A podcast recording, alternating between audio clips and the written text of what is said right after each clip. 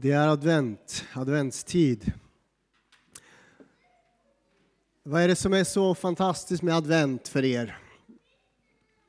kan man ha många eller olika anledningar, men vissa älskar advent mer än andra. Och, eh, jag tror att det är, vi svenskar älskar ju mys, vi älskar att tända ljus, vi älskar att pynta och göra. Och så går man från den där mörka november in i en ljusare tid, kanske mer hoppfull tid förhoppningsvis. Man har en förväntan på att julen snart närmar sig. Man ska få vara med sina familj, man ska vara med sina vänner. Det är advent. Av någon anledning blir vi lite snällare på adventstid, juletid. Vi bryr oss lite mer om varandra, eller hur? Av någon anledning så funderar jag på om jag ska skicka kort till släktingar här och där. Det gör man inte längre, men till och med jag kan fundera på det. Det är ju någonting som händer i adventstid. Borde man skicka en hälsning till någon? Borde man höra av sig i juletid? När man ser någon, jag pratar med några som ska vara ensamma i jul, då funderar man varför ska de vara ensamma i jul? Någonting händer i advent med oss människor och vi behöver fira advent. Ni vet, det här är nyår för kyrkan. Eh, en del av er struntar fullständigt i kyrkåret och jag, är inte, jag följer kyrkåret till viss del. Men ändå är det nyårstid. Eh, adventstiden, då börjar kyrkans år på nytt. Och så har man en förväntan och längtan efter Kristus som ska komma. Det är advent. Advent ska jag säga är att låta anden börja verka i ditt liv igen. Alltså det är en nystart. Vi älskar ju nystarter, nyårslöften. Och jag skulle säga i kyrkans år är det en nystart för oss. Och det är en nystart för dig i ditt andliga liv. Att låta anden verka i ditt liv. Vi går in i en ny tid. Man läser om löftena hela tiden. Man läser om profetierna i Bibeln i adventstid. Man läser om att vi väntar på Messias som ska komma. Han som redan har kommit, han som redan är här hos oss och har kommit med sitt rike. Vi väntar på en, en andra advent, att han ska komma tillbaks. Det är adventstiden. I adventstiden försöker man bli medveten om att Gudsriket är här. Andra advent handlar om Gudsriket. Att Guds rike är mitt ibland oss, inte i sin fullhet, men en gång ska det komma i sin fullhet. Ingen död, ingen sjukdom, ingenting sånt. Guds rike är mitt ibland oss. Riket ska komma i sin fullhet. Vi väntar och vi längtar. Först tänkte jag skriva en predikan om väntan och så bara, nej det är jättesvårt att skriva om väntan. Väntan, vad gör den med oss? Ja, när man väntar, alltså den som väntar på något gott väntar aldrig för länge har vi hört, men jag vet inte om det stämmer. Alla vill ju ha det man vill ha och man vill ha det direkt. Vem vill vänta? Men väntan skapar längtan efter någonting mer. Så adventstid är till för att skapa längtan i ditt liv efter någonting mer. Och hela Bibeln är full av väntan, ska jag säga. Redan i första Mosebok kommer den första profetian där det står att Gud ska väcka fiendskap mellan dig, och då talar han till ormen, djävulen, och kvinnan, Eva, mellan din avkomma och hennes, och de ska trampa på ditt huvud och du ska hugga dem i hälen. Och så börjar en väntan, flera tusen år innan faktiskt Kristus kommer, och ni vet han trampar på ormen och så vidare. Väntan är där hela tiden. Om du ser i bibelpersoner i, i Gamla Testamentet så är det ständig väntan efter någonting annat. De lever i slaveri och de längtar och de väntar efter befrielsen. Efter det nya som ska komma. Advent är väntan. En tid att rikta sitt liv. I väntan så verkar Gud. Det kan verka som om Gud inte verkar. Det kan verka som om Gud är frånvarande. Men i väntan, när du och jag väntar på det vi längtar efter eller det Gud har sagt, det Gud har lovat, alla hans eh, löften. När vi väntar så verkar Gud hela tiden. När du förbereder dig inför julen så ber jag att det ska vara en andlig väntan och längtan. Jag önskar att den här advent ska få vara det i ditt liv. Någonting nytt kommer. Gör inte den här adventstiden på samma sätt som alltid. Kanske är det en väntan efter Gud och en andlig längtan får börja födas i dig. Jag tror att han är nära dig. Jag tror att han vill komma ännu närmare i adventstid. Vi ska läsa en text och jag har några adventsutmaningar. Och så ska vi fira nattvard tillsammans.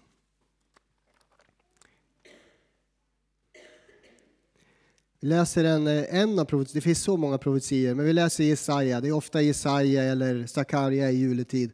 Eh, så vi tar, adventstid menar jag.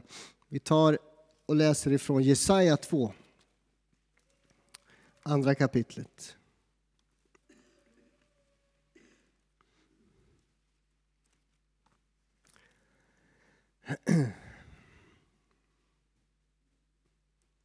Vers 1 till 5.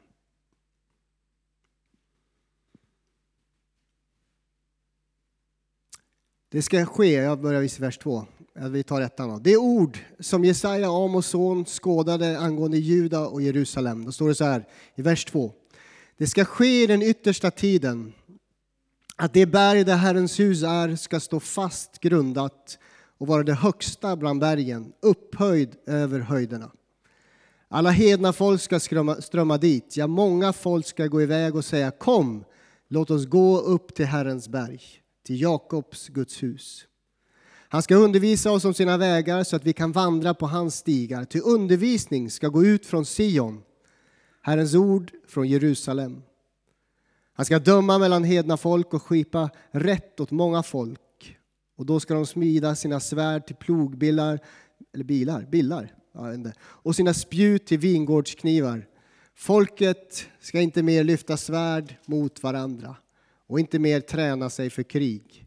Kom, ni av Jakobs släkt, låt oss vandra i Herrens ljus. Jag ber en bön. Tack Jesus för ditt ord idag, Herre.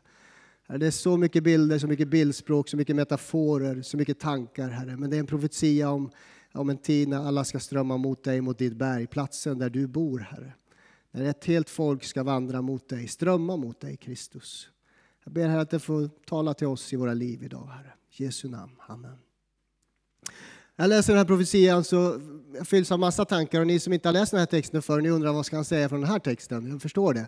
Men det finns så mycket bildspråk i den här texten. Så det är en profetia om det som ska ske och som vi faktiskt redan har läst om det som skedde i Jerusalem för 2000 år sedan när Jesus vandrade in i staden ridande på en åsna. Allt det här finns där. Eh, en ström ska gå upp till berget, berget Sion, där templet ligger, platsen där Gud bor alla, alla dessa texter. Jesaja han var från Jerusalem. Han kände till staden, han visste att staden på berget Sion, där templet stod, platsen där Gud bor. Han talade om den yttersta tiden, läser vi om. Alltså en ny tid väntar. Då det berg där Herrens hus står ska vara det högsta bland berg, upphöjt över höjderna och alla folk ska strömma dit, talar han om. Alltså berget Sion är ju inte det högsta av berg, det vet ju vi. Det finns ju många andra högre berg. Det är, det är liksom en andlig sanning. Att det är en tid att berget Sion, Jerusalem, ska vara högsta berg, platsen där Gud visar sig och människor ska strömma mot honom. I den yttersta tiden kommer mänsklighetens tillbedjan av Gud vara det enda som betyder något och är av värde, skulle jag säga. Det enda som betyder något i den här tiden, det är mänskligheten tillbedjan av den levande guden. Strömmar av människor som tillber Gud kommer att resa sig högre än alla berg. Och vi ser en försmak av det. Jesus tågar in i Jerusalem. Människorna följer efter och ropar Hosianna, Davids son. Alltså de ropar rädda oss, du kung. De följer honom upp på tempelområdet. Och på tempelområdet så rensar han templet och så säger han mitt hus ska kallas ett bönens hus för alla folk. Han rensar hedningarnas förgård, det är den platsen. Så att nu är det tillträde till Gud för alla folk och stammar. Alla som åkallar Herrens namn ska bli rädda. Det är en ny tid, säger Jesus. Han rider in och säger alla ni som längtar efter att få komma nära. Det är inte bara för det judiska folket nu, det är öppet för er. Det är därför vi är här. Du kan komma nära Herren. De profetiska orden med verklighet. Hena folkets strömmar upp på berget för att tillbe ska vara största och högsta berget. Judar idag de väntar, de längtar efter templet på nytt, att det ska byggas där på berget. Det är deras berg, det är det högsta värde för dem. Jag har tre utmaningar i adventstid att ta med in i den här adventsfastan kallar jag den. Kyrkoåret är det här adventsfasta. Det är inte tid att käka skinka och bullar och lussekatter egentligen för kyrkans folk. Det är tid att fasta. Tid att avstå frivilligt för att söka Gud inför julen när han kommer. Några utmaningar. Det första jag skulle säga är, vad är det högsta i ditt liv? Vad är ditt berg? För judarna var det det högsta, det var berget Sion. Där bor Gud. Det var den viktigaste platsen. Dit vill vi vandra. Om man inte visste var man skulle gå så gick man ju dit. De går ju fortfarande dit. Står vid klagomuren, står där och ber. Det är den viktigaste platsen. Vad är det högsta värdet för dig i den här tiden? Vi har alla saker vi tillber. Var är platsen du tillber? Vad är saken du tillber? Vad är det högsta värde? För en del är det familjen, det är det högsta värdet för mig, säger en del. För vissa länder så är det sin nation. Jag tror inte svenskar skulle säga det. Det är vårt land, tyvärr inte. Jag har lite för lite kärlek till vårt land kanske. En del nationer, det är så tydligt. Det är landet. Jag, jag lever och dör för landet. Jag var i Estland och träffade en, en, en ung kille gift med en dotter till Ilmar. liksom han, han, eh, eller Ilmar berättar om sin son. Han skulle strida direkt. Om ryssen kommer, då ska jag vara vid frontlinjen, sa han. För mitt land ska jag strida, Estland. En sån kärlek för sitt land. Det är av högsta värde för honom. För en del är en kändis det högsta. Jag vet inte varför, men så kan det vara. Väldigt ytligt, tycker jag. Vissa har sitt yrke som det högsta. Det är liksom det viktigaste. Det här är platsen för mig. Det är mitt berg. Andra har sin ledighet, andra har sin egen tid. Ja, vi är så olika. Vem vet? Men vad är det som är av högsta värde för dig? Fundera på det här berget under adventstid. Vad lägger du mest tid? Vad lägger du mest energi på? Hur ordnar du ditt liv för att det där av högsta värde ska få all plats? Alla de här sakerna jag sagt, familj och land, är inget fel. Men jag tänker att ditt högsta fokus denna tid ska vara din tillbedjan av Jesus. Det är det högsta berg, platsen dit man längtar, man strävar efter. I den yttersta tiden, i adventstiden, så är väntan och längtan att Jesus ska komma tillbaks. Jag vill tillbe Gud, det är det högsta berget för mig. Det är platsen jag vill vara.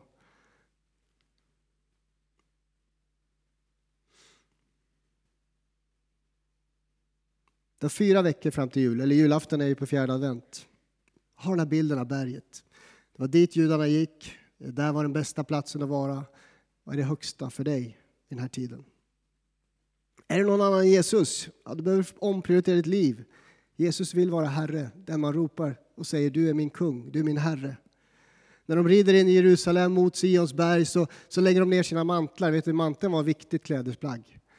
Det var det viktigaste. Det var det som skyddade deras liv. Om man gick genom sandstormen hade man inte manteln var det kört. Manteln svepte man om sig, skyddade man sitt liv med. Den skyddar mot kyla, den skyddar mot värme, den skyddar mot det mesta. Och vad gör de? De tar sina mantlar när Jesus, kungen, rider in och lägger ner det som skyddar deras liv inför honom. Du har säkert så många skal och skydd. Det här är det högsta. Men Jesus vill vara det högsta. Kanske ska ta av dig de där och lägga ner inför honom i adventstid. De lägger ner palmbladen och gör honom till kung. Är Jesus det högsta i ditt liv eller har han bara en liten biroll? Adventsfastan handlar om att fråga sig vad är det som tävlar om att vara det högsta i mitt liv? Vad är det som tävlar om att vara herre i ditt liv? Låter du Jesus vara kung? Det är den första lilla utmaningen i advent. Det andra, Jesaja 2.2 står det så här. Jesaja 2.2. Alla hedna folk ska strömma dit, ja många folk ska gå iväg och säga kom, låt oss gå upp till Herrens berg. Vi fortsätter där. Vad händer i oss när Jesus inte får vara kung? Tänker jag på. Vad händer i oss när vi inte strömmar upp på berget eller är på den platsen och Jesus inte blir Herre längre? Ja, det är klart någon annan tar ju tronen. Jesaja han ser det klart. Han ser hur Israels folk, olika stammar, samlas i Jerusalem för olika fester och högtider. De vandrar upp mot berget. De är tolv stammar, men om man läser i Gamla Testamentet så är de ganska ofta i strid med varandra. Faktiskt. Vi läser ju varje dag, jag, i arbetslaget, eller varje tisdag läser vi GT, ganska långa stycken. Och vi ser stridigheter mellan folket. Men varje gång de lämnar stridigheten och vandrar till Jerusalem, upp på berget för att tillbe, ja, då förenas de igen. Så när man sätter Jesus som Herre så kommer någon form av harmoni in i landet. Harmonin är att svärden ska smidas om och spjuten ska förvandlas till någonting man kan använda till till jordbruk istället. Folket ska inte längre lyfta svärd mot varann. När Gud blir kung så kommer freden och friden. En bild av våra liv tror jag. Hur kan du uppleva harmoni inom dig när det yttre trycket är högt, när det inre trycket också är väldigt tufft just nu? Hur kan du uppleva harmoni inom dig? Jag skulle säga, ta allt du är din vilja, ditt sinne, dina känslor, din passion. Allt du är. Allt som är du. när det strömmar åt samma håll, eller läste de strömmar åt samma håll, mot templet, mot Gud. När allt det strömmar åt samma håll, ett folk som går upp till berget för att tillbe, till platsen av rätt tillbedjan. När du ger Gud äran för allt inom dig och börjar tillbe honom, så infinner sig någon form av harmoni. Jag har ofta haft strid i mitt liv, kamp i mitt liv. Det här året har varit kamp, det kan man väl erkänna.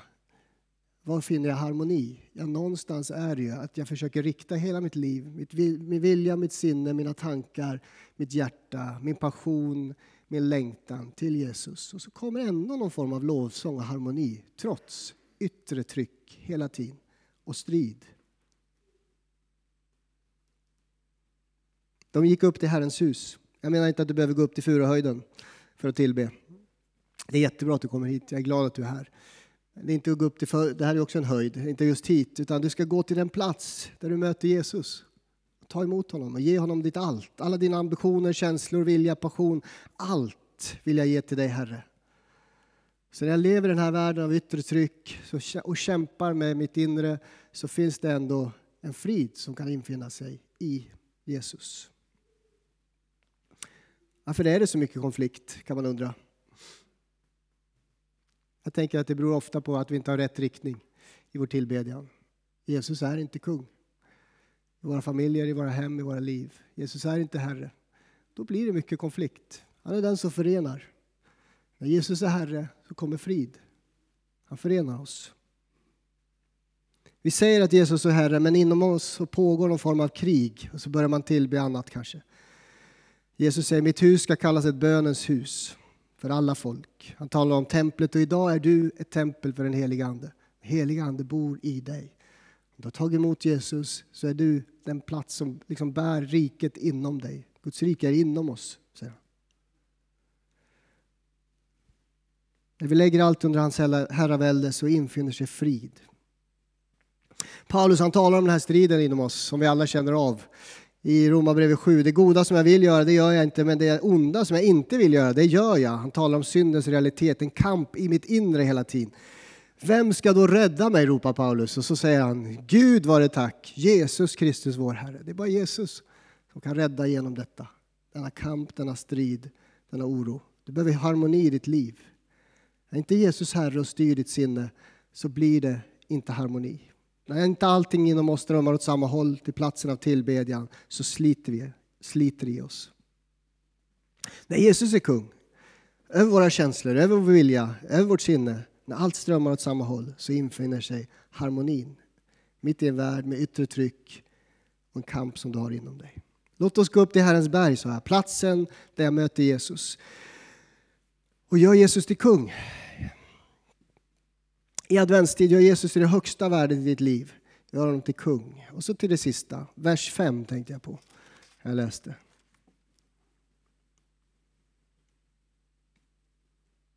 Står det så här, kom ni av Jakobs släkt, låt oss vandra i Herrens ljus. Stå upp och var ljus, står det i andra adventstexter. En tid att vara ljus. Adventstid är en tid att vakna upp och leva i ljuset faktiskt. En tid att vakna upp. Vi behöver ljus för att vakna, i varje fall jag. Är det mörkt i rummet så sover jag vidare. Men tänder man, eller i varje fall tänder man hemma när jag går upp på morgonen så vaknar jag till liv. Vi behöver ljus. Varje ljus du tänder nu i adventstid symboliserar han kommer snart. Det är, det är inte jultomten.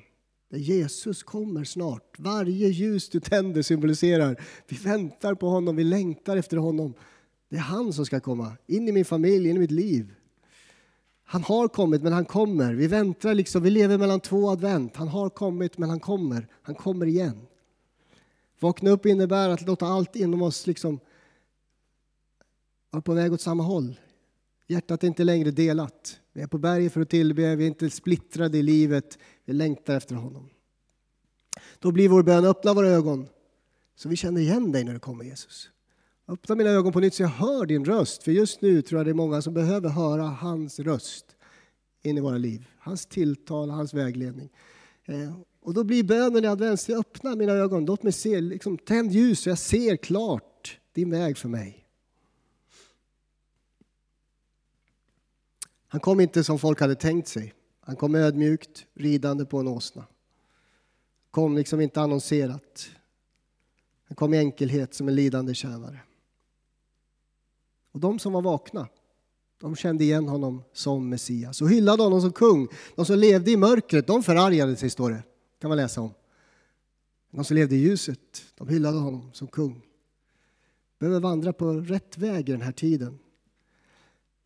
Behöver ljuset från hans ord.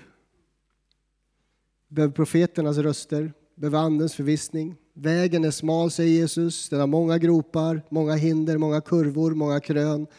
Ändå kan man gå på rätt väg om man vandrar i ljuset. Då leder vägen alltid till Jesus. Jag önskar att julskinkan kunde vänta, allt det där kunde vänta. Och att du tar en tid av adventsfasta och bön.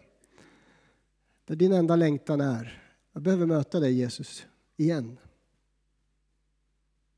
En längtan får väckas på nytt i vår församling, i våra liv. Tre saker. Vad är högsta värde för dig? Vad är ditt berg? Liksom, vad är det du tillber? Har du gjort Jesus till Herre? Vandrar du i ljuset? Ta med de här frågorna och fundera över dem i adventstid. Nu ber vi en bön. Tacka Jesus. Tack Herre för ditt ord Herre. Tack för adventstiden och vi behöver dig Herre, mer än någonsin. Behöver vi dig Jesus. Mer än någonting faktiskt. Mer än någonting annat så behöver vi leva nära dig Herre. Jag ber att du drar hela den här församlingen till platser av tillbedjan, platser av gudsmöten, tider och stunder där vi avsätter för dig. För våra familjers skull, för vårt samhälles skull, för vår församlings skull. Herre. Vi drar oss nära dig i den här tiden Jesus. Jag ber om ditt ljus över ditt ord. Vi får vägledning genom ditt ord. Vi får liksom en hoppfull framtid genom ditt ord, Herre. Tack Jesus. Jag ber att du ska verkligen vara Herre. Inte en bi, du ska inte ha en biroll i våra liv. Du ska ha huvudrollen, Herre. Allt ljus ska vara på dig, Kristus. Tack, Herre. Tack att du är här nu. Ber så i Jesu namn. Amen.